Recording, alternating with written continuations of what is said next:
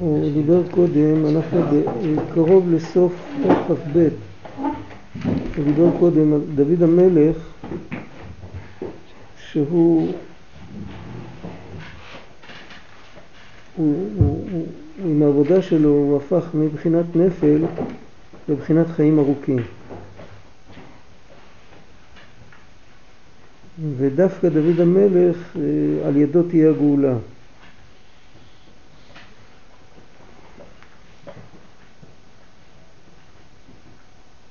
עיקר שמחת הנפילה הוא על ידי דוד. על ידי מה הוא מחיה ומחזק וסומך על כל הנופלים, על ידי זה שהוא חי חיים ארוכים. מה הפשט שהוא חי חיים ארוכים? שהוא כל הזמן מתחדש. אה, אם בן אדם לא מתחדש, אז אין לו...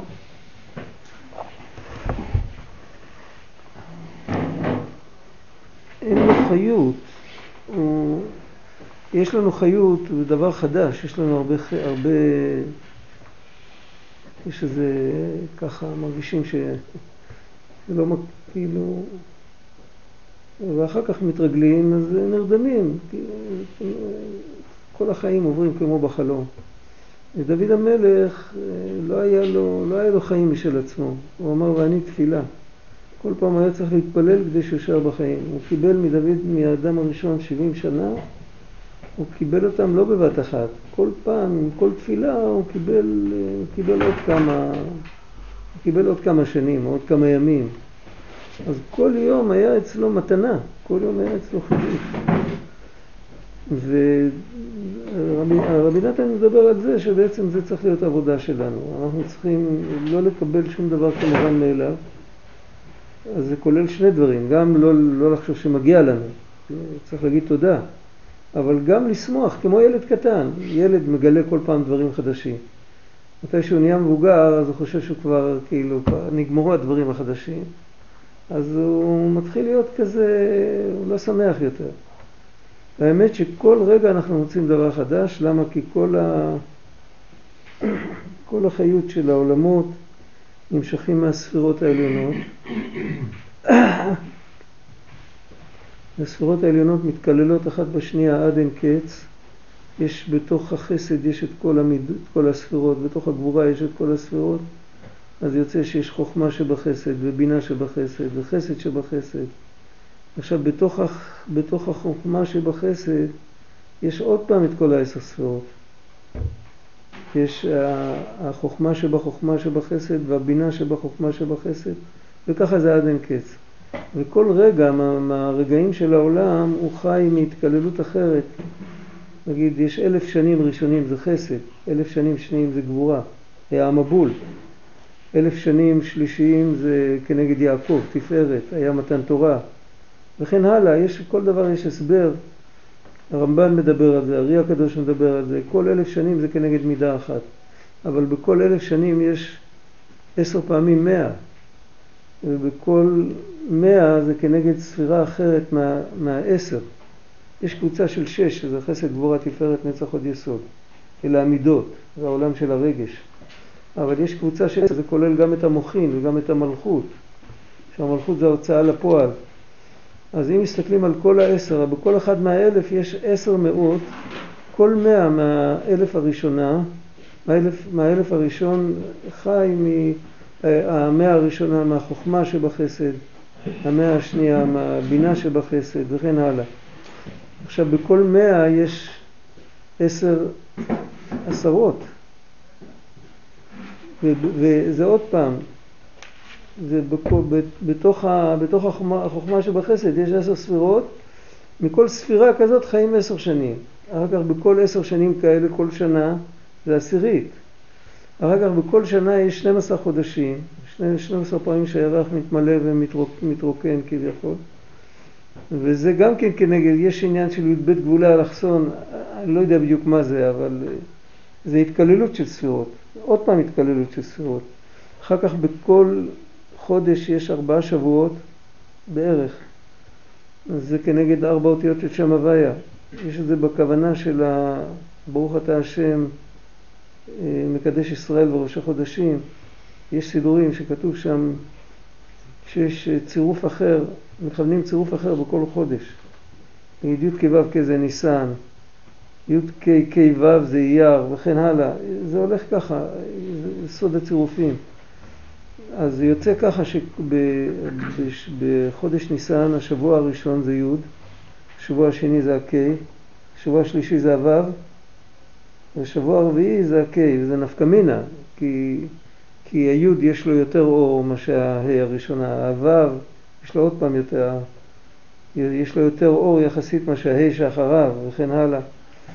יש בזה עוד הרבה, אבל אחר כך כל שבוע יש בו שבעה ימים, אז כל יום זה כנגד מידה אחת. בתוך היוד או בתוך ההי יש עוד פעם חסד גבורה תפארת נצח עוד יסוד מלכות. ואחר כך כל יום זה י"ב שעות וזה בעצם כ"ד שעות. אז זה י"ב צירופים של שם הוויה ועוד כ"ד צירופים של שם אדנות. זה, זה ארוך להסביר את זה, אבל כל שעה מקבלת חיות מצירוף שונה. זאת אומרת, האנרגיה של השעה הזאת עם השעה הקודמת היא לא אותה אנרגיה. אפשר לבצע דברים בשעה הבאה, יכול להיות דברים כאלה שבשעה הקודמת לא היית מצליח לעשות בשום אופן. אחר כך כל שעה מתחלקת ל... אפשר לחלק את זה איך שרוצים, או 6 כפול 10 או 10 כפול 6. וזה עוד פעם התקללות של ספירות. וכן הלאה.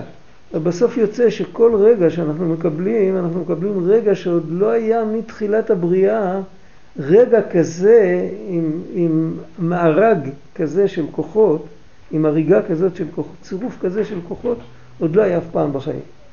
אם בן אדם ברגעים הקודמים הוא לא הצליח משהו, או בקום ועשה, או בשבע אל תעשה, הוא לא הצליח, הוא, הוא, הוא לא רצה לעשות משהו והוא כן עשה. או שהוא כן רצה לעשות משהו והוא לא עשה. והוא מתייאש, אבל זה לא אומר שום דבר על רגע אחרי זה. רגע אחרי זה יש כוחות אחרים לגמרי. וגם בן אדם לא יכול להניח עבודה מרגע לרגע, הוא, הוא יושב ככה, מחר, איך אומרים הבני דודים שלנו, בוקרה. מחר בבוקר נתחיל להיות, נתחיל לעשות משהו, עכשיו אנחנו, אין לי כוח עכשיו. באמת, אם בן אדם אין לו כוח, אז העבודה שלו ללכת לנוח. זה עבודת השם שלו עכשיו, ללכת לנוח. אבל אם הוא יש לו כוח, הוא, וכל הזמן שלו הולך על כלום, כי, כי אני לא יודע מה, הזמן הזה, הוא חושב שישלים אותו אחר כך, זה לא בדיוק להשלים אותו אחר כך, אחר כך זה רק, זה כמו תפילת תשלומים. זה לא באמת שהוא, כאילו, בסדר, אוקיי, עברת. עברת, קיבלת 60, עברת, אבל באמת לא, לא עשית באמת את מה שמוטל עליך. אז זה, זה בעצם הקוד של ההתחדשות, שבן אדם מסתכל על כל רגע כעל מתנה שאף פעם בחיים לא היה לו אותה ואף פעם בחיים לא יהיה לו אותה. ומי שמסתכל ככה הוא שמח עם כל, כל נשימה או נשימה, על כל נשימה או נשימה אנחנו מעללים את השם. אמר פעם, אה, היה צדיק שאמר למה אומרים כל הנשמה פעמיים. בפסוקי דזמרה, אומרים את הפסוק כל הנשמה תהלל יה פעמיים, למה פעמיים? פעם אחת מכוונים שעל כל נשימה או נשימה אומרים תודה להשם, וכל רגע חיים מחדש. פעם שנייה מכוונים שכל הנשמה, אפילו רשע, גם יכול להלל את השם. ושני הפירושים האלה קשורים אחד בשני. היות שכל נשימה או נשימה אנחנו מקבלים חיות חדשה, אז גם הרשע יכול להתחיל לעבוד את השם, כי עכשיו הוא קיבל חיות חדשה. עם החיות החדשה, את החיות החדשה עוד לא פגם, אז הוא יכול להתחיל לעבוד איתה. ממילא אז לא צריך להתייאש. וזה, הכוח הזה, זה הכוח של דוד המלך. דוד המלך מדבר על הושעני אלוקים כי באו מים עד נפש, טבעתי ביבן מצולע ואין מעמד, באתי במעמקי מים, הוא אומר, ניחר גרוני, כלו עיניי, ניחר גרוני, אף על פי כן מייחל לאלוקיי. עדיין אני מצווה, מצפה ומקווה, אני לא נשבר, לא, אני לא עוזב. זה הכוח של דוד המלך, כי, כי הוא נולד ממקום כזה, הוא נולד ממקום של בר נפלה, של, והוא ראה במציאות בחיים שלו, הרגיש שכל פעם הוא הולך, הוא הולך להיגמר. יכול להיות שיש חסד השם, שהשם עושה חסד עם בן אדם, זה קורה, זה קורה, אומרים שזה קורה בלילות, אני לא יודע, אה, שמעתי את זה מאחד מהמקובלים, הוא אמר שלפעמים בן אדם מרגיש כאילו שנגמרו לו החיים, פתאום הוא מרגיש ש... עוד רגע לוקחים אותו. לא שהוא מרגיש אה, חלש או כואב לו משהו, זה בעומק, כאילו הוא מרגיש, ואז כאילו הוא מקבל תפקיד חדש, וזה הסוד של, יש סידורים שכתוב בקריאת שמע של המיטה, אריזל מדבר על זה, נפשי הביתיך בלילה, הפרוחי בקרבי אשחרקה, שיכול לקבל רוח חדשה, ויכול לקבל חיים חדשים. ו... זה כתוב, יעקב אבינו, יעקב אבינו לא מת, למה הוא לא מת? כי במקום למות הוא קיבל את השם ישראל, הוא קיבל תפקיד חדש, אז האריכו לו את החיים. ועל ישראל כתוב ויקרבו ימי ישראל למות, אבל יעקב, איפה שכתוב ויגבע, כתוב יעקב, אז לא כתוב מת. אז ב, ב, זה בגדול, וזה כתוב על אנשים גדולים, אבל בקטן, אז כל רגע, הרגע הקודם מת, והרגע החדש אה, הרגע החדש אה, עוד לא הגיע, הרגע החדש הזה זה תפקיד חדש, זה, עוד, זה חיים חדשים. אפשר להכניס את זה לרגש? לרגש. שאני ארגיש את החיות של ההתחדשות. קודם כל, קודם כל צריך אה, לדעת שזה ככה. הרגש מופיע, הרגש עובד יותר לאט. יש כל מיני יש, יש מכשירים שיש להם גלגלים שמסתובבים, לא כולם מסתובבים באותה מהירות. היום הכל אלקטרוני, אז אני לא יודע, אבל uh, בזמננו היה, אם רצית לגרום שמקדחה תסתובב יותר מהר, היית צריך להעביר איזו רצועה שמחברת את הציר המרכזי של המנוע לציר שמסובב את המקדח, מקדחת עמוד כזאת גדולה, וכשגלגל גדול אה, מסר לגלגל קטן, אז היה מהירות X. כשגלגל קטן מסר לגלגל גדול, אתה מכיר את זה? יש מהירות אחרת, כן, כל דבר. לכל גלגל, לכל, בנפש, לכל, יש נגיד השכל עובד לאט. השכל עובד לאט. יש מערכות בגוף שעובדות הרבה יותר מהר מהשכל. הרפלקסים למשל. או תחושת השובע, שאתה לוקח... אה, משהו קטן ואתה אוכל, זה עוד לא הספיק להתעכל ואתה כבר מרגיש יותר טוב. זה איזה מרכז שעובד פי כמה, הרבה יותר, הזמן שלנו זה הזמן של השכל, הזמן של השעון. אבל יש עוד כל מיני דברים שאנחנו לא מכירים אותם, והרגש זה עולם נעלם. בדרך כלל הוא עובד לאט. שהוא, אחרי שהוא מתעורר אז הוא דוחף אותך שתעשה דברים מהר. אבל לפני שהוא מתעורר, עד שהוא מתעורר לוקח זמן. צריך הרבה סבלנות איתו. אם יודעים שזה כך, ויודעים גם להפוך את זה לתמונה ולדמיין את זה, לחשוב שזה אמיתי וזה רלוונטי, אז זה הופך להיות רגש באיזשהו מקום. התחדשות זה משהו שהוא... זה רגשי, ל... זה רגשי, נכון, אבל בינתיים אנחנו לומדים שזה ראוי. אנחנו לא לומדים שזה קורה. אף אחד לא אמר כאן שזה קורה לכל אחד. זה תודעה. הוא מספר שזה קורה, אה? זה תודעה, כאילו הרגש כן, כמו אבל... תודעה, כאילו אם אדם נכון, חי את זה, אז אוקיי, ישר הוא מרגיש אוקיי. את החוויה שלו. הוא שואל איך, איך, איפה הכפתור? איפה הכפתור? זה מה שהוא שואל, נכון? איפה הכפתור? בפשטות הכפתור נמצא בדעת, ו... וזה כפתור שמגיב לאט. אז הרבה פעמים אנחנו רגילים שכפתורים מגיבים מהר. בחיים שלנו, הכפתורים, אתה עושה ככה, נדלק לך אור. פעם היית צריך לחפש שמן, לחפש חתיכת צמר גפן, לחפש כלי להכניס את השמן, אחר כך לך תחפש גפרור, לא תמיד היה. היום אתה רגיל שאתה לוחץ כפתור, זה הולך, הנפש שלנו עדיין עובדת כמו פעם. זה לוקח זמן, בן אדם צריך לאט לאט ל... ללכת עם זה שזה האמת. מה, להזכיר לעצמו? להזכיר לעצמו, נכון, אמרת מילה נכונה, להזכיר לעצמו, ולאט לאט, זה, זה הסיפור בגמרא על הטיף-טיף של רבי עקיבא, על האבן. זה, ואחר כך זה מגיע, בסוף יום אחד זה מגיע, לפעמים זה מגיע באמצע, באמצע שום דבר. כשזה, כשזה מבשיל, זה כמו פרי, כשהוא מבשיל הוא נופל. יש אסימונים שמבשילים, הם נופלים.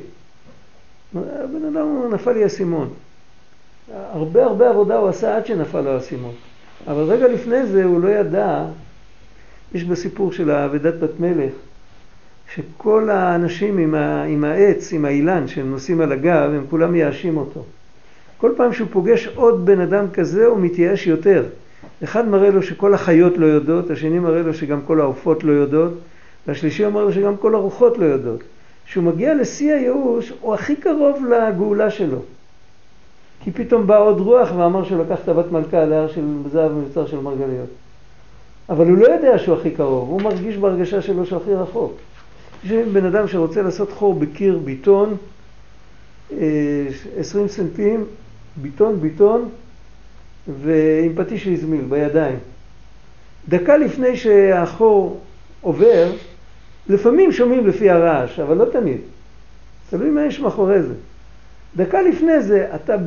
נגמר לך הכוח, אתה מרגיש את הכי גרוע שיכול להיות. ודקה אחרי זה אתה פתאום, הנה, גמרת, הגעת. נכנס אור, נכנס אוויר. בעבודת השם זה בדיוק ככה. רק אנחנו, בגלל כל הכפתורים שאנחנו, אנחנו לא יודעים שצריך לעבוד לאט לאט. אבל זה, זה האמת, לחיצת כפתור זה לא שווה הרבה, זה, זה וירטואלי, אין שם כלום. אתה הולך למתווך דירות, הוא לוחץ לך על כפתור ואתה רואה דירה, אתה לא יכול לגור בדירה שהוא מראה לך. צריך לגור בדירה שבנו אותה לאט לאט, עם הידיים, לא עם כפתורים. למה לקרוא לזה אבל התחדשות ולא איזשהו קשר של אהבה עם השם? זה התחדשות, זה התחדשות. זה התחדשות, לא, כי זה, אה, בפרט הזה, זה ודאי שזה מביא לאהבת השם גדולה. אבל בפרט הזה, כל המלחמה היא נגד מצוות אנשים מלומדה. כן, אבל זה קורה, המצוות אנשים מלומדה, בגלל שאין שום קשר עם השם, אז, אז אה, אין... לא, ועדיין אין קשר עם השם, עדיין אין קשר עם השם, קשר שיכול לגרום אהבה, אבל אם ילד שנהיה בר מצווה, או פעם ראשונה מניח תפילין, גם אין לו אהבת השם גדולה. כן. אבל הוא מתרגש מהתפילין, כי זה חדש אצלו. ואנחנו לא מתרגשים, כי אנחנו אין לנו את זה. אבל אם מישהו יודע שהנחת תפילין של היום, שכל יום הוא נהיה בר מצווה. הנחת תפילין של היום היא לא נובעת, אני לא מניח תפילין היום כי הנחתי אתמול. זה לא נכון. אנחנו מניחים תפילין היום כי אותו אלוקים שציווה לנו על התפילין, מעמד הר סיני, רוצה את זה מאיתנו עכשיו.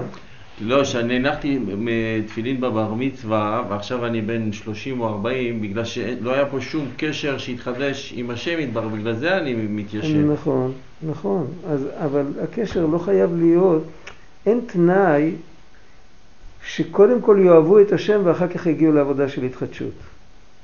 אתה מבין אותי? אין תנאי כזה. גם, ודאי שמי שמגיע לעבודת, מי שמגיע לאהבת השם לא צריך לדבר איתו על התחדשות. זה, זה מובן מאליו. אם מדברים עם התחדשות, מדברים על אנשים כאלה שעדיין לא הגיעו לאהבת השם, אף על פי כן הם יכולים להתחדש בכוח האמונה, בכוח החשיבה, אפשר להתחדש. ויהיה לו שמחה, שמחה של מצווה. לא יהיה לו אהבת השם, אבל שמחה של מצווה תהיה לו. זה לא יהיה מצוות אנשים מלומדה.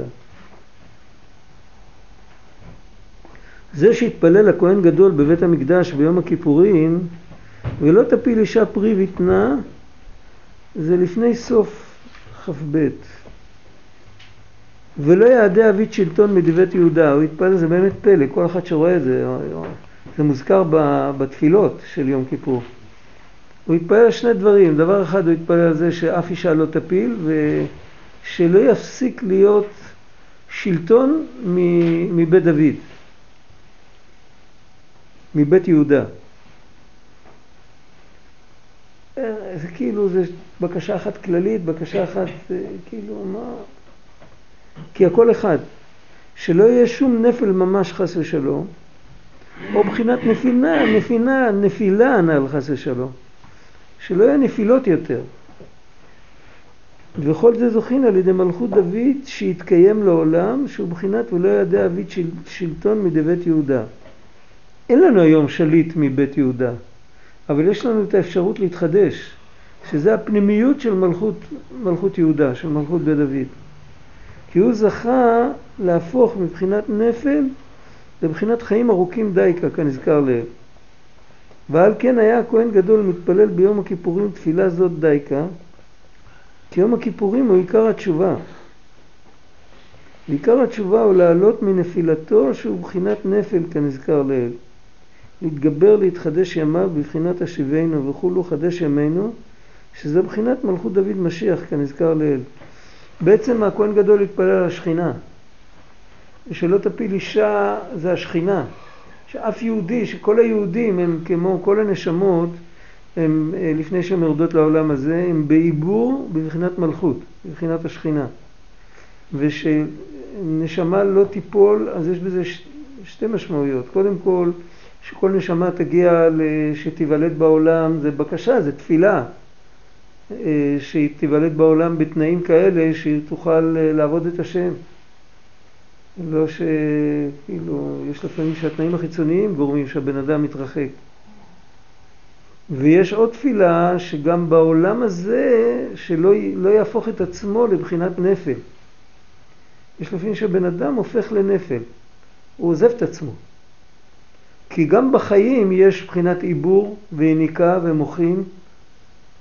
העיבור זה שהוא רק יכול לעשות, והיניקה זה שכבר יש לו רגש. רק הרגש שלו הוא רגש של, איך אומרים, אה, למען חייך. ועדיין יש לו איזה פנייה, פנייה רוחנית, אבל יש לו איזה פנייה. והמוחין זה אפילו נוטל את נפשך, זה, זה יותר גבוה. וכל אדם, בכל מדרגה שהוא נמצא, אז בכל מדרגה יש עיבור יניקה מוחין.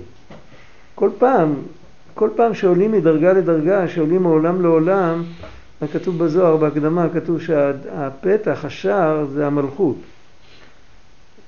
מה נפתח בעולם העליון כשנשמה עולה מעולם לעולם? הבחינה הכי נמוכה. שם הוא נפתח ושם אומרים לו שלום עליכם, אחר כך משם הוא ממשיך לעלות הלאה. לא פותחים לו מיד משהו גבוה, הוא רק עכשיו נכנס. אותו דבר בחיים, כל פעם שיהודי עולה בדרגה, אז בתוך הדרגה העליונה הוא עדיין... תחתית שלו. יש מדרש, יש חז"ל שאמרו על אחד מהנביאים שבתחילת הנבואה שלו היה טירון בנבואה. הוא היה טירון. חז"ל, משם לקחו את הביטוי הזה. זה ביטוי חז"לי. הוא היה טירון בנבואה, זאת אומרת הוא היה חדש, אז הוא הגיע רק לקצה התחתון. הוא עלה לעולם של נבואה, אבל הוא הגיע רק לקצה התחתון. וככה כל בן אדם שעולה בדרגה, אז בהתחלה, אז הוא נכנס עוד פעם לבחינת עיבור. בהתחלה קשה לו, בהתחלה, כאילו הוא הרגיש כבר טוב ברמה הקודמת שלו. זה כמו תלמיד שלמד משניות והיה תלמיד מצטיין, עכשיו הוא עולה כיתה, הוא מתחיל ללמוד גמרא, קשה לו. למה עליתי כיתה? שם הייתי הכי טוב בכיתה, ופה לא. אז הוא יכול ליפול. אז בעבודה פנימית יכול להיות גם אותו דבר, שבן אדם היה לו טוב באיזה, באיזה דרגה שהיא, דרשו ממנו פחות, יכול להיות שהיה אצל, הוא היה בסביבה שדורשים פחות. יש לפעמים שהסביבה טובעת יותר. היה פעם מישהו שאמר שהוא היה אצל איזה צדיק, אז הוא חשב כל פעם שהוא אומר אשם נו, שזה אשם הוא, שמישהו חטא. עם ישראל חטא, חס וחלילה, לא אני. הוא עשה את הנון במספר קטן, זה הפך לו ה', אשם הוא. אחר כך הוא הגיע לעוד איזה אחד, ששם דרשו ממנו יותר, אז הוא הבין שאשמנו זה אנחנו, זה לא הם. אבל הוא חשב, אה, בסדר, כך דרכו של עולם. נפלתי, אני אפול עוד פעם, אני אפול עוד מאה פעמים. בינתיים מתוודים, אה, זה כמו שחדר חנוק, תופסים נשימה רגע בחוץ. אבל זה לא... אחר כך הוא הגיע לעוד מקום, אני לא זוכר בדיוק, הוא, הסיפור הולך עם, עם מקומות, אני לא זוכר את המקומות. הגיע לעוד איזה מקום ששם כאילו עבדו יותר באינטנסיביות. אז הוא הבין שאשמנו זה הכוונה שצריך עכשיו לעמוד מול השם ולהגיד חטאתי אני ואני מתכוון ברצינות יותר לא לחטוא. לא לעשות איזה קליל כזה ככה. אז זה לקח לו שלוש תחנות שכל פעם במקום הראשון איפה שהוא היה, או יכול להיות שהוא היה נחשב לאדם יקר. כשהגיע למקום היותר גבוה, אז הוא הרגיש שכל העבודה שלו הייתה רק אה, חיצוניות. כשהוא הגיע למקום עוד יותר גבוה, אז גם העבודה הזאת הייתה רק חיצוניות. וזה רק משל, כל הסיפור הזה הוא רק משל, אני מתאר לעצמי ככה. וה... בעצם בנפש, ככל שבן אדם רוצה להפנים יותר את עבודת השם, רוצה יותר להרגיש קשר, כמו שאתה אמרת, רגש, אתה אמרת אהבת השם. רוצה להרגיש קשר יותר אני אתה, להרגיש את הנוכחות של השם יתברך. כל פעם שהוא נכנס לזה יותר, הוא מרגיש כמה זה רחוק ממנו וכמה זה קשה לו, כמה זה... הוא, הוא הטירון, הוא לא רגיל לזה, הוא לא... כן, יש לו בעיה עם זה. ואז בשלב הזה אפשר ליפול, זה השלב של העיבוד. איזה שלב אפשר ליפול? זה הש... השלב הראשוני בכל מדרגה. אתה גומר טירונות, אתה הולך לאימון מתקדם, פתאום מנחיתים עליך איזה מסע, מסע של 50 קילומטר בלי הודעה מוקדמת. בטירונות כל מסע הסיום היה 40, ופתאום פה אומרים, והתכוננו לזה אני לא יודע כמה זמן, פה פתאום מוציאים אותך ל-90 קילומטר, לא אומרים לך כלום, אתה לא מספיק להתבכיין אצל החובש ולהוציא פטורים, ופתאום אתה אומר, וואי, יאללה, אני חותם 55, אני הולך להיות אה, טבח. קורה דברים כאלה, בטח שקורה. אני אומר, בכל, בעבודת השם, בכל מדרגה שנכנסים חדש, יש את העיבור יניקה מוחין שלה. יש, ובעיבור יש תמיד סכנה של נפל, של נפילה. ואת הכוח לעבור את השלב הקשה הזה, ישראל במצרים גם היו כמו עובר, רק שם הם היו כמו עובר בימי בהמה. אבל הם היו מבחינת עיבור, כל גלות זה עיבור, כל גאולה זה לידה. לעבור את השלב הזה זה הכוח של מלכות בית דוד, ועל זה הכהן גדול התפלל ביום כיפור שלא יהיה נפל, שלא יפלו, שיחזיקו מעמד בקטעים הקשים. אחר כך תמיד באה רווחה, ובא, אבל תמיד אחרי זה בא עוד, עוד קטע קשה, זה כמו ספירלה. כל פעם עוברים על אותה נקודה רק במקום יותר גבוה. אז כל פעם שבן אדם קשה לו סימן שהוא עולה בדרגה? כן. זה ככה, יש אנשים אם הוא מחזיק מעמד, אם הוא מחזיק מעמד, אז הוא יעלה בדרגה אחרי זה. לא, אבל יש אנשים שכל הזמן קשה להם. אז, אז הם עושים נחת רוח נפלאה למעלה. והכלל הוא תמיד שלא לדאוג מיום לחברו. היום קשה לי ואני מחזיק מעמד, הרבה פעמים בן אדם נופל היום, לא בגלל שהיום הוא לא יכול להחזיק מעמד, אלא בגלל שהוא חושב שאפילו אם הוא יחזיק מעמד היום, אז מחר הוא ייפול. זה ברור, וזה שקר. מה אכפת לך המחר? אתה רוצה להיות רבן של כל בני הגולה, אתה, אתה אל תרצה, תרצה להיות מישהו, אתה תרצה לעשות נחת רוח להשם. היום אתה יכול לעשות נחת רוח, מחר לא תוכל, לא תוכל, אבל היום אתה יכול, אל תחשוב מיום לחברו. זה גם עניין של התחדשות. היום בקולות תשמעו. אז אה, כל זה הכהן גדול, בקודשי הקודשים, בלפני ולפנים, לכאורה היה יכול לבקש נבואה, רוח הקודש, אני לא יודע מה. הוא התפלל תפילה קצרה, אז מה הוא התפלל? שלא יפילו נפלים. שיהודי יוכל להחזיק מעמד כשקשה לו. זה הפירוש הפנימי. וזה גם כל עם ישראל שיחזיק מעמד בגלות. בשביל זה הוא חיבר את שני אלה, הוא חיבר את המלכות של בית יהודה ואת הלא להפיל נפלים, הוא חיבר אותם יחד. כי שניהם מדברים על להחזיק מעמד באיז, באיזושהי גלות, או בגלות גשמית או בגלות רוחנית. על כן אחר יום כיפור הוא סוכות. מה מגיע, מה זה סוכות? סוכות זה, היום כיפור זה הראש שנה של התשובה, סוכות זה הראש שנה של השמחה. שהוא בחינת הקים את סוכת דוד הנופלת, הנופלת כתוב כאן. גם בסוכות מזכירים את דוד. החותם של סוכות, איזה אושפיזין זה? האחרון. הכל הולך אחר החיתום. האחרון שממנו יעני רוקדים לשמחת תורה. זה דוד. כתוב ביום ההוא הקים את סוכת דוד הנופלת לבטל בחינת הפלת נפלים חס ושלום, רק להקימם ולהחיותם, בבחינת סומך השם לכל הנופלים. ועל כן אחר סוכות ושמיני עצרת, שהוא בחינת מלכות דוד, כמו שכתוב, זה יעצור בעמי, כמו שכתב רבנו ז"ל במקום אחר. שאז כתוב בכוונות, הנוקבה עוצרת הטיפה שלא תפיל, כמו שכתוב בכוונות, היינו כאן נזכר לעיל. זאת אומרת, יש אה, מושג שנקרא לידת הנשמות. אה, יש בריאת העולמות, יש לידת הנשמות. בריאת העולמות ולידת הנשמות זה, זה חיצוניות ופנימיות של אותו דבר. בלי הנשמות העולמות לא יכולים להתקיים. ובלי העולמות אין לנשמות איפה לעבוד את השם. אין להם איפה להתקיים, אין להם איפה להתקיים. ולזה זה, לזה קוראים בריאה ולזה קוראים לידה. בריאת הנשמות, בריאת העולמות זה, זה בריאה של דבר יותר מרוחק, זה כמו שבן אדם אה, יוצר משהו, אבל לידת הנשמות זה כמו שבן אדם הוליד בן, הבן קרוב לאבא. זה בפשט, אם לא ניכנס יותר מדי, אפשר לדבר על זה הרבה, אבל זה שביל צדדי, זה לא הנושא כאן. על כל פנים, לידת הנשמות, יש לה תאריך, מתי נולדות הנשמות.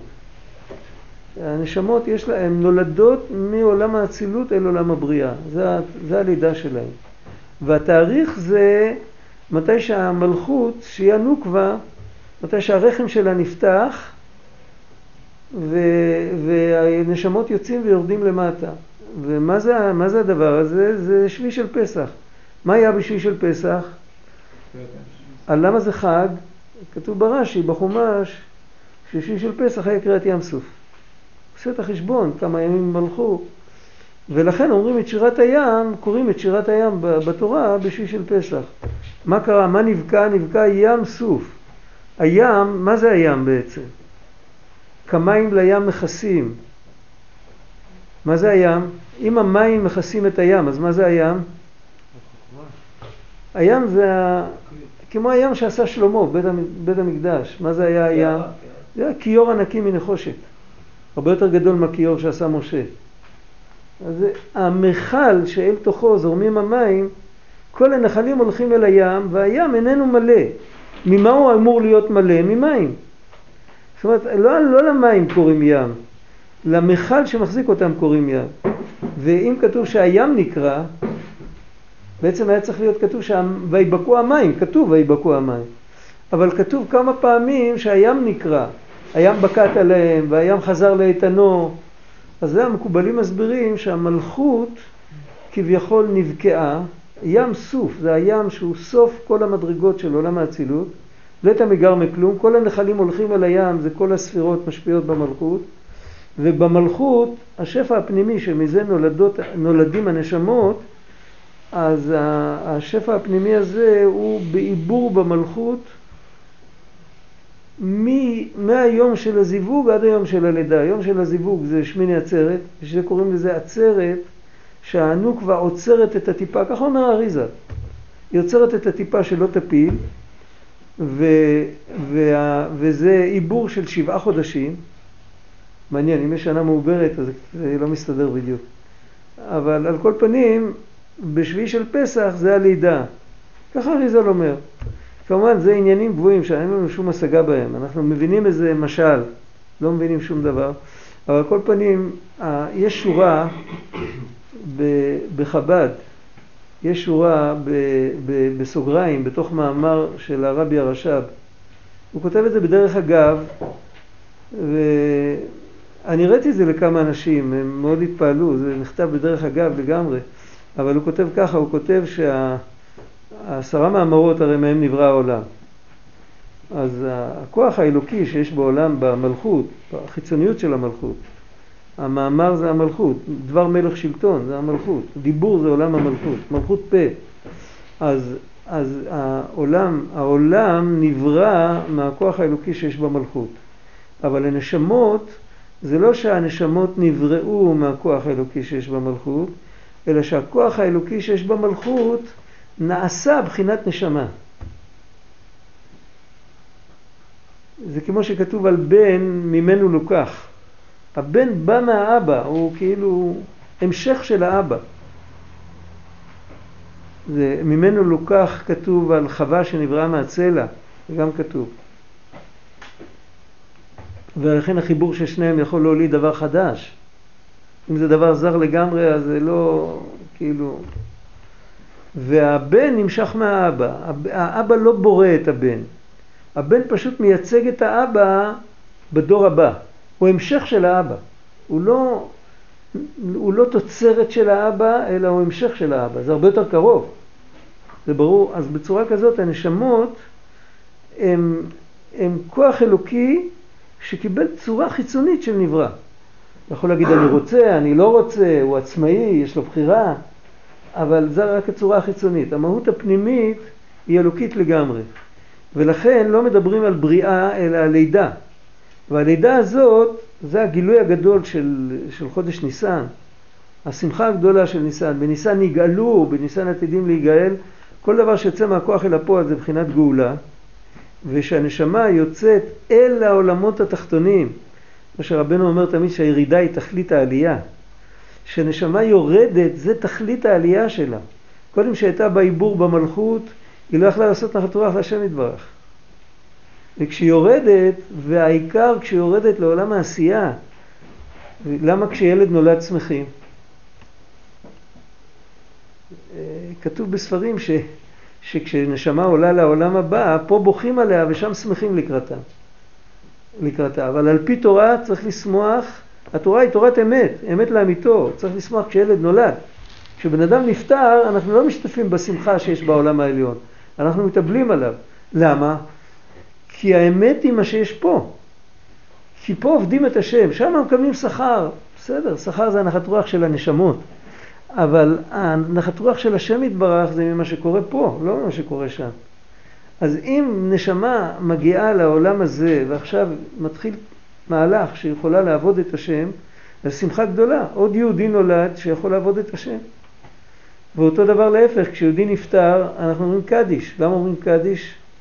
אמר, הפני מנחם סיפר, הוא סיפר את זה בשם אחיו שנהרג אצל הגרמנים, השם ייקום דמו. סיפר שהייתי ילד, אחי הגדול הסביר לי שכל יהודי מגלה אלוקות בעולם, זה התפקיד שלו. וכשיהודי נפטר אז חסר גילוי אלוקות בעולם, אז אנחנו מתפללים, יתגדל ויתקדש שמי רבה, שיבוא גילוי אלוקות, הגילוי אלוקות שנחסר על ידי זה שפלוני נפטר, שיבוא גילוי אלוקות. אז רואים שעיקר הלידה, אז זה מתחיל באמת במלכות האצילות, עיקר הלידה זה במלכות של העשייה. עיקר הלידה זה שיהודי נולד כפשוטו, זה עיקר הלידה. והיום הולדת של עם ישראל, של כולנו, יש כל אחד היום הולדת שלו, היום הולדת של כולנו זה פסח, בעיקר שביעי של פסח. כי כל נשמה נולדת בשביעי של פסח. מבחינה רוחנית, כל נשמה נולדת, היום הולדת של כולם זה שביעי של פסח. עכשיו כל אחד, איך שזה מתלבש בגשמיות, יש לכל אחד משבצת אחרת, איך שהוא צריך, אז, אז כל אחד נולד, ב, אם היו, אם כל, כל נשות ישראל היו יולדות בשביעי של פסח, זה הביטול הבחירה. כי זה הפך טבע העולם. ופתאום אה, חצי אחוז מהעולם מתנהג שונה לחלוטין, זה, זה ממש נס, זה לא יכול להיות. אז כל אחד נולד בזמן שהוא נולד, אבל בעצם הלידה של נשמתו זה שביעי של פסח. והקליטה של העיבור, ממתי הוא נכנס בעיבור, זאת אומרת ממתי הוא ירד מספירות יותר עליונות מהמלכות. הוא ירד אל המלכות, ששם הוא יהיה ראוי, הוא מקבל את כל ה... אה, איך אומרים? זה גיבוש לפני שיורדים לעולם הזה. יודעים מה זה גיבוש? גיבוש לקראת, לקראת השירות. הגיבוש נעשה במלכות, שם הוא מקבל את כל הכוחות ואת כל ה... הוא מקבל את כל ה... את כל ה... איך קוראים לזה? את המתאמים, לתאם בין נשמה לבין מה שקורה פה בעולם, זה סוד הצלם, כל מיני לבושים, כל העניינים האלה, זה הוא מקבל שם. זה נמשך במקום מאוד גבוה, אבל הוא מקבל אותם שם. משם מתחיל, וזה צריך לשהות. הוא צריך להיות כך וכך חודשים שם. למעלה זה למעלה מהזמן. אבל זה, זה מקביל בעולם שלנו לכך וכך חודשים. אז זה מתחיל בשמיני עצרת, וזה נגמר בשביל של פסח. זה מה שהוא מביא כאן מהאריזה. אז ושמיני עצרת זה השמחה בפנימיות, ושביעי של פסח זה שמחה בהתגלות. כן? אז הלידה היא בהתגלות. בשבי, בשמיני עצרת הלידה היא ב... בכל תשרי, אז הקו של היראה הוא יותר דומיננטי. גם בשמחת תורה, יהודים רוקדים ספרי תורה עם דמעות על העיניים. רואים את זה. ובפסח פחות רוקדים, אבל השמחה היא משוחררת. היא אחרת לגמרי. כי זה השמחה האמיתית. השמחה האמיתית זה שהנשמות נולדות. ומי זה שגורם את ההתחלה של התהליך של השמיני עצרת, אז זה הושענא רבה.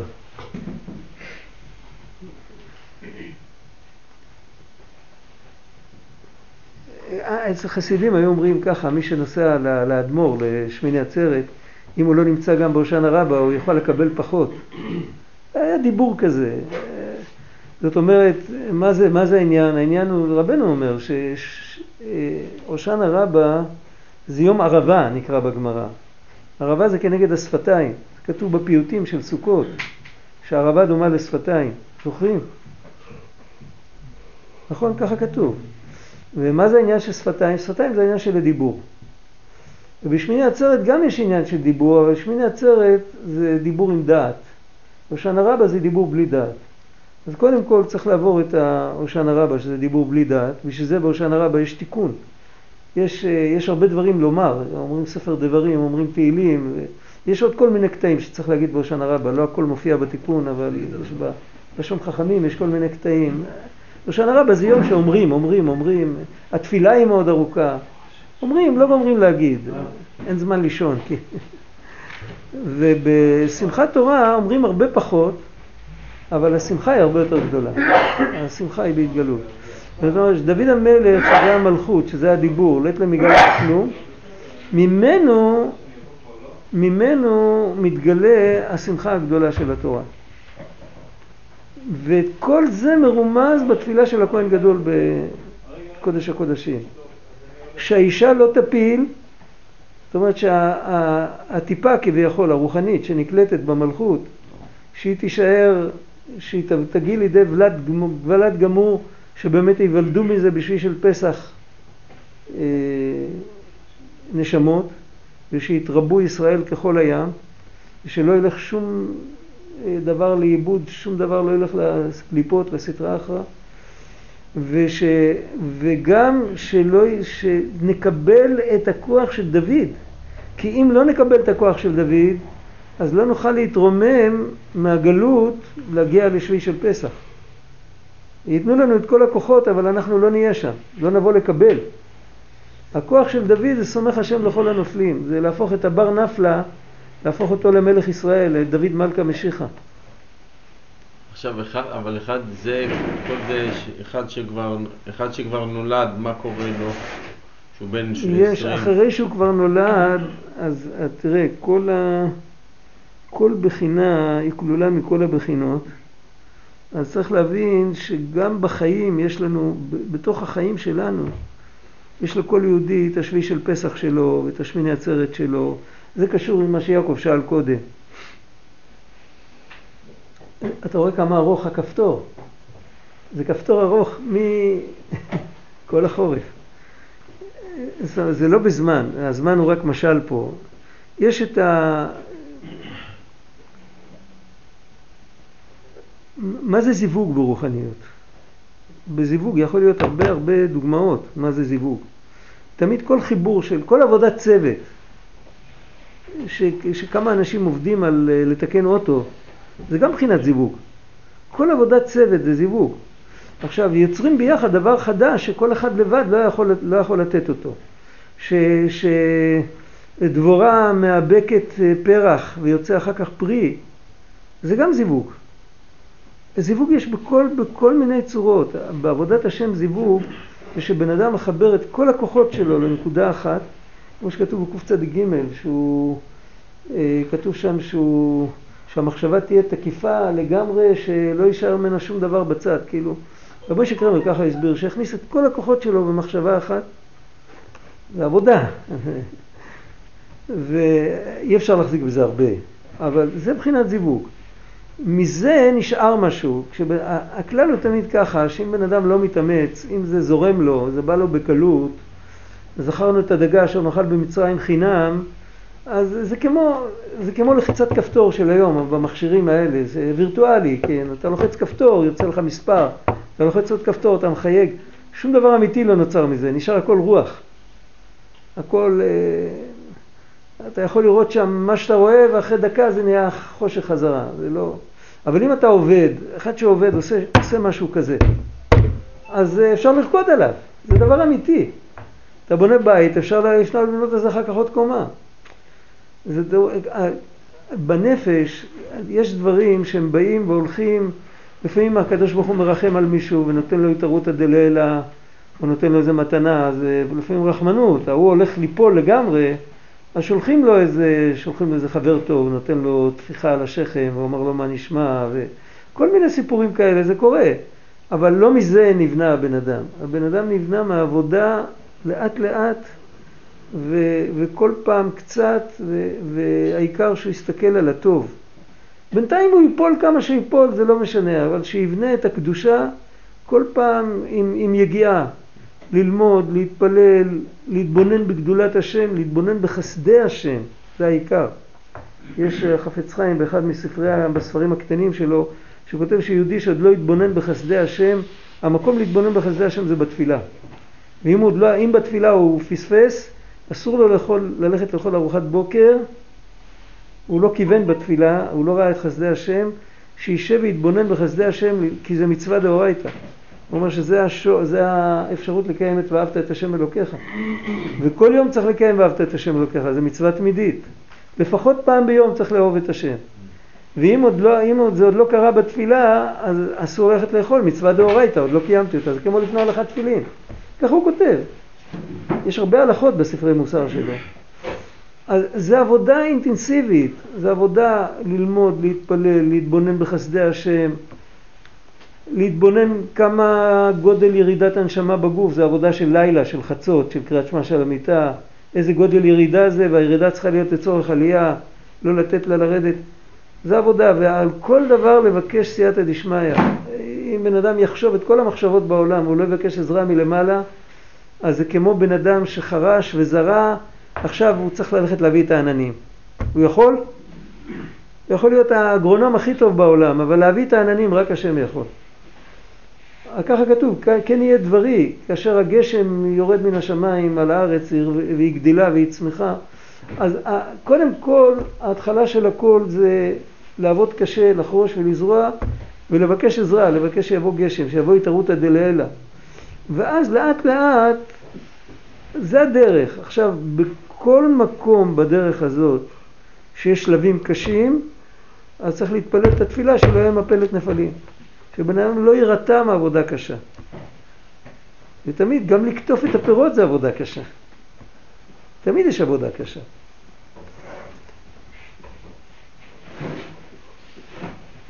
מעניין, הוא מדבר על יום כיפור וסוכות, זה מאוד נדיר בליקוטי ההלכות שהוא הולך לא לפי סדר. יום כיפור וסוכות זה לפי סדר, פה הוא מתחיל לדבר על ראש שנה. זה פלא. יכול להיות שהוא חוזר אחרי זה עוד פעם ליום כיפור וסוכות יותר באריכות. כן. וזה מבחינת ראש השנה. ראש השנה הוא בחינת תפילין. מה הקשר בפשט בין ראש שנה לתפילין? זוכרים? ראש. המילה זיכרון. מה זה יום הזיכרון בתורה? איזה השנה. חג נקרא בתורה יום הזיכרון? ראש השנה. במפורש. אין לו שם אחר בתורה. בתורה לא כתוב השם ראש השנה. יום תורה. בתורה? יום תורה. יום תרועה. יום תרועה, אבל כשמדובר על התאריך, יום תרועה יהיה לכם. באחד בחודש השביעי, והתורה קוראת לזה יום הזיכרון. זיכרון תרועה יהיה לכם, יום תרועה יהיה לכם, אבל התורה קוראת לזה יום הזיכרון. יש נוסחאות, אצלנו אומרים זיכרון תרועה רק אם זה יוצא בשבת. יש נוסחאות עתיקות מזמן הראשונים, בסידורים, שהיו אומרים זיכרון תרועה גם כשראש השנה יצא ביום חול. מישהו מכיר היום נוסח כזה? אני לא יודע אם יש היום נוסח כזה, אבל בראשונים מוזכר נוסח כזה. כי העיקר העבודה של יום ה... של ראש השנה זה הזיכרון. והתפילין זה גם זיכרון. תפילין זה זיכרון בין עיניך, והיו לאות על ידך ולזיכרון בין עיניך פרשת קדש. ובעצם זה כל העבודה של ההתחדשות זה מתחיל מהזיכרון.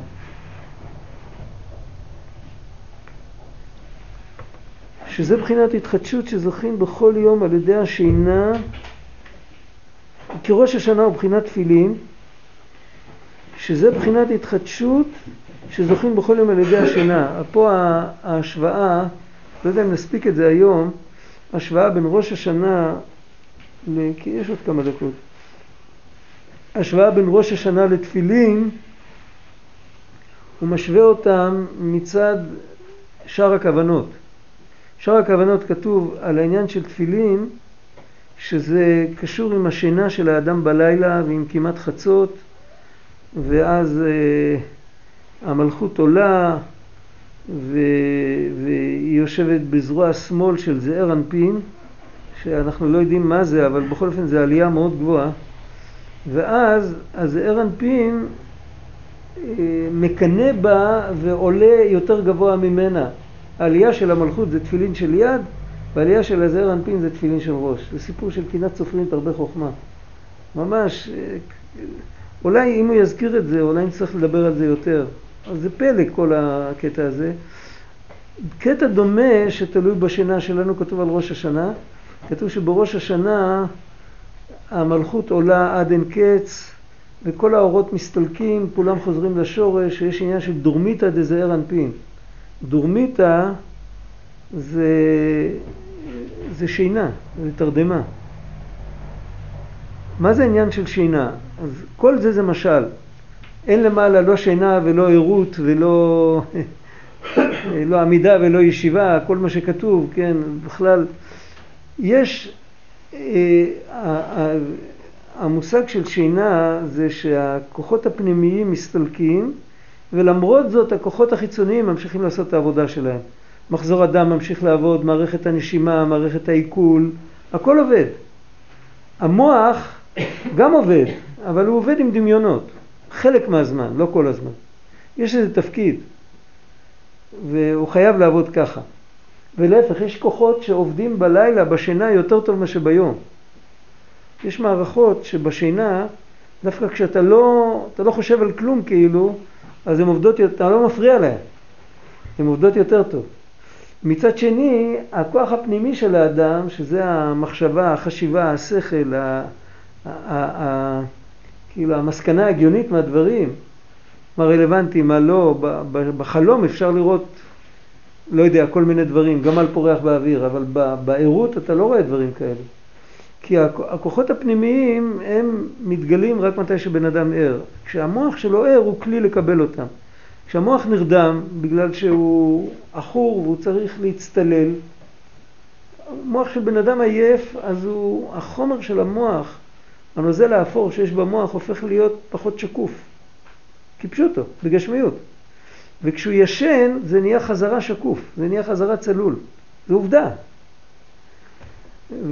וכשהבן אדם, המוח שלו עכור, אפילו אם הוא לא ישן, עם מוח עכור אי אפשר ללמוד, אי אפשר, זה לא כלי, אז רואים שיש מציאות של, שיש התגלות של כוחות פנימיים ויש, ויש מציאות שהכוחות הפנימיים מסתלקים והם נחים והם לא מהירים בגוף וגם הגוף נח אז, כי כשהם עובדים, הם בתוך הגוף, אז הם מתעייפים מזה שהם צריכים לרדת לגוף, והגוף מתעייף בזה שהוא צריך לשרת אותם. ולעומת זאת, כשיש, הם נפרדים לשלום, אז אחד לא מעייף את השני, הגוף יכול לנוח, והנשמה יכולה לנוח. ואותו דבר מה שקורה בראש השנה, אז כל הכוחות הפנימיים שיש ב, ב, ב, ב, בכל העולמות, גם בעולם הזה וגם בעולמות העליונים, כולם עולים ונכללים בשורש. הם מתחדשים בשורש והעולמות נחים, הם חיים בינתיים מהכוחות החיצוניים. העולם לא מתבטא. הגשם ממשיך לרדת והרוח ממשיכה לנשב, אבל, אבל רק, רק החיצוניות נשארת. על זה נתנו משל, בעלי הדרוש, נתנו משל כמו בן אדם שהוא עושה אה, בלנס, איך זה נקרא? אה, איזון. ספירת מלאי, הוא עושה כאילו, הוא, הוא רוצה לדעת, הוא בודק אם העסק שלו הרוויח, הוא עושה מאזן, מאזן שנתי. באותו רגע רק העסק ממשיך להתנהל רק עם, ה, עם העובדים, עם ה... כן, אבל לא עושים הזמנות חדשות ולא, אין כאילו, כרגע זה ב stand by כזה. אם נראה שזה מרוויח, נמשיך. אם לא, אז בסדר, נסגור את זה. זה הדין ומשפט של ראש השנה. שכל העליות זה בשביל להשאיר לחיצוניות, רק החיצוניות עכשיו. אין, אין, אין פניי אל העם הזה כמו שכתוב, אין, הפנימיות לא נמשכת לעולם. הפנימיות היא בשקלא וטריא, כאילו אם העולם יהיה ראוי אז יימשך, אם לא אז לא. וזה נקרא שינה. ו- וזה פחד גדול, כל היום הרת עולם שאומרים, זה שהעולם נכנס חזרה להיריון. הוא, הוא, הוא מסתלק. זה פחד גדול. מי יודע אם הוא ייברא מחדש עוד פעם. אה, איך כתב רבי אמנון בנתני תוקף, מלאכים יחפזון וכאילו רעדה יאחזון. הנה יום הדין, מה הם פוחדים? הם לא חטאו, אבל אם לא, אם העולם לא ייברא אז גם הם לא יהיו.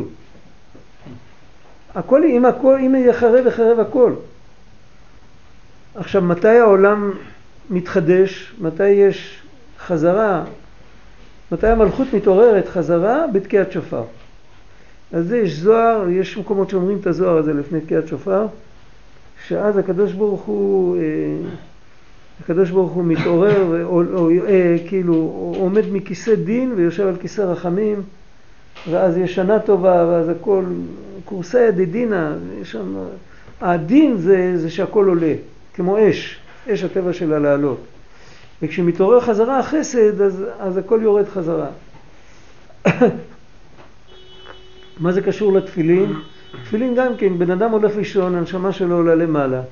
וכשהנשמה עולה למעלה, היא גורמת את אותו עלייה והסתלקות גם בעולם העליון. כל יום יש איזו עלייה והסתלקות. וכשבן אדם קם, אז הכל קם. וכשהכל קם, אז יש עלייה אחרת. יש עלייה שזה הסתלקות. ויש עלייה כמו בליל שבת. בליל שבת גם כתוב שכל העולמות עולים. אבל זה לא עלייה של הסתלקות. גם הכלי עולה ביחד עם האור. זה כמו ההבדל בין ללכת לישון ולקבל נבואה. מה ההבדל? כשאתה הולך לישון, אז האור עולה, הגוף נשאר איפה שהוא. אבל כשאתה מקבל נבואה, אז גם המוח עולה. זה ברור? אז כשיהודי קם לחצות, אז זה עניין של, הוא, גם, הוא מעלה את כל העולמות, אבל הוא לא מעלה את כל העולמות באופן של הסתלקות ושהכלים נשארים למטה בלי אור, אלא הוא גורם להפך, הוא גורם שהכל עולה ומקבל יותר אור. ומזה נהיה הסוד של התפילין. עצם הקיבה שלו? זה בגדול. מה? עצם הקיבה או שצריך לעשות דברים? כאילו... אה, אני לא יודע, כאילו לא יודע. אפשר להגיד סברה לכאן, אפשר להגיד סברה לכאן. יש, יש בעצם ההתגברות, יש משהו, הרי אפשר להישאר ער לחצות, לא צריך לקום. אז, אז בזה יש רק מעלה אחת. אפשר לקום ולא בדיוק להגיד את התיקון חצות, רק לפתוח גמרא וללמוד, אז יש בזה גם רק מעלה אחת. ואם עושים את שניהם, יש את שתי המעלות. איזה מעלה היא העיקרית? יכול להיות שמה שאצל אותו בן אדם יותר קשה, אצלו זה המעלה העיקרית. יכול להיות. אני לא יודע.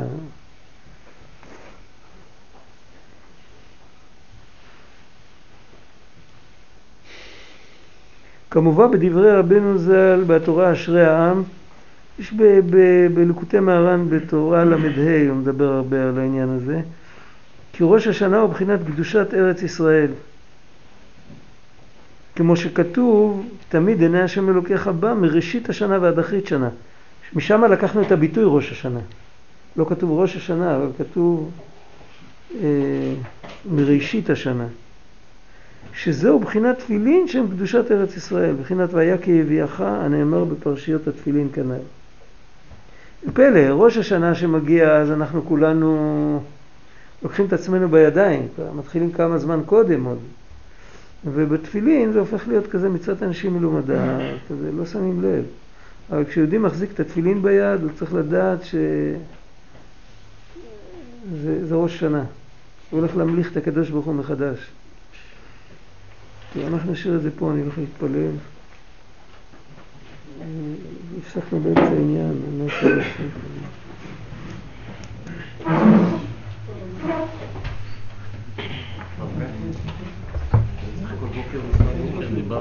מחר בבוקר?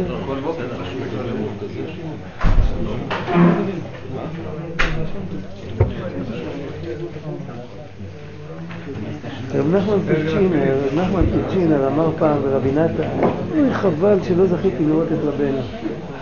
אז אמר לו רבי נתן, מי ראה את רבנו? יוסף פרוניק? פרוניק זה, אתה יודע מה זה פרוניק, אתה מדבר רוסית. זה אחד שמנהיג ספינה.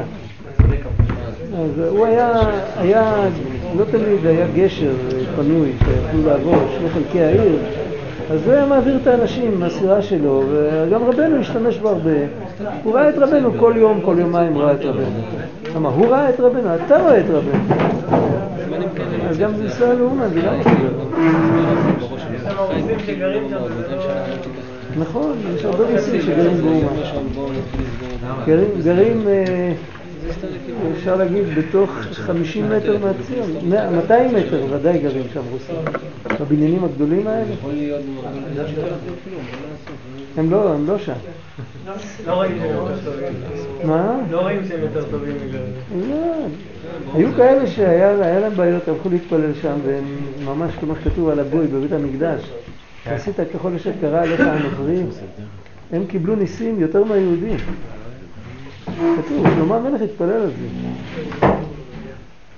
אבל רובם לא, בכלל אותם מעניין הכמה דולרים וזהו, לא מעניין אותך.